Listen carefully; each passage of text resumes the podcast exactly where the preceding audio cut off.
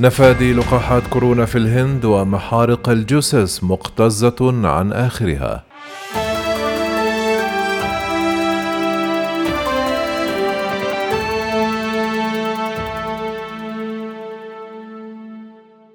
نفذ مخزون لقاحات كورونا في عدة ولايات هندية وذلك قبل يوم واحد من تنفيذ خطة قومية لتوسيع حملة التلقيح ضد فيروس كورونا بالتزامن مع موجة شرسة من الإصابات.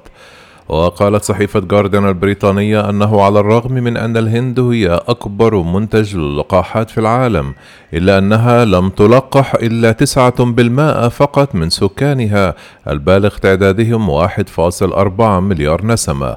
وواجه منتجو اللقاحات صعوبات من أجل زيادة سعة الإنتاج فوق 90 مليون جرعة في الشهر الواحد وذلك بسبب نقص المواد الخام اللازمة لصناعتها وبسبب حريق شب في مؤسسة سيروم التي تصنع لقاحات استرازينيكا في الهند.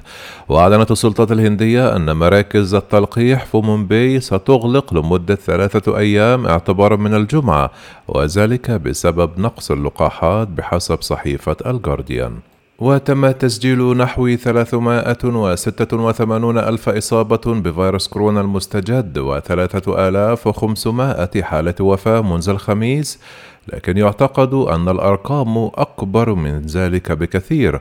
وأبلغ مسؤول مدينة دلهي حكومة رئيس الوزراء الهندي مودي أن المشرحة ومحارق الجثث قد امتلأت عن آخرها وأوضح المسؤولون أن هناك حاجة إلى أماكن إضافية من أجل التعامل مع جثث المتوفين بسبب فيروس كورونا.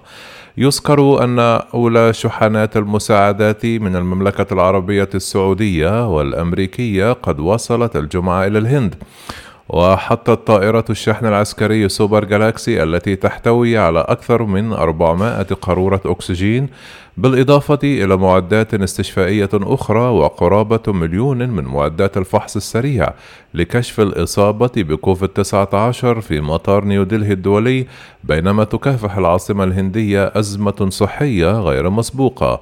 وأعلنت الهند تسجيل 385 ألف إصابة جديدة في الساعات الأربع والعشرون الأخيرة في عدد قياسي عالمي وقرابة 3500 وفاة.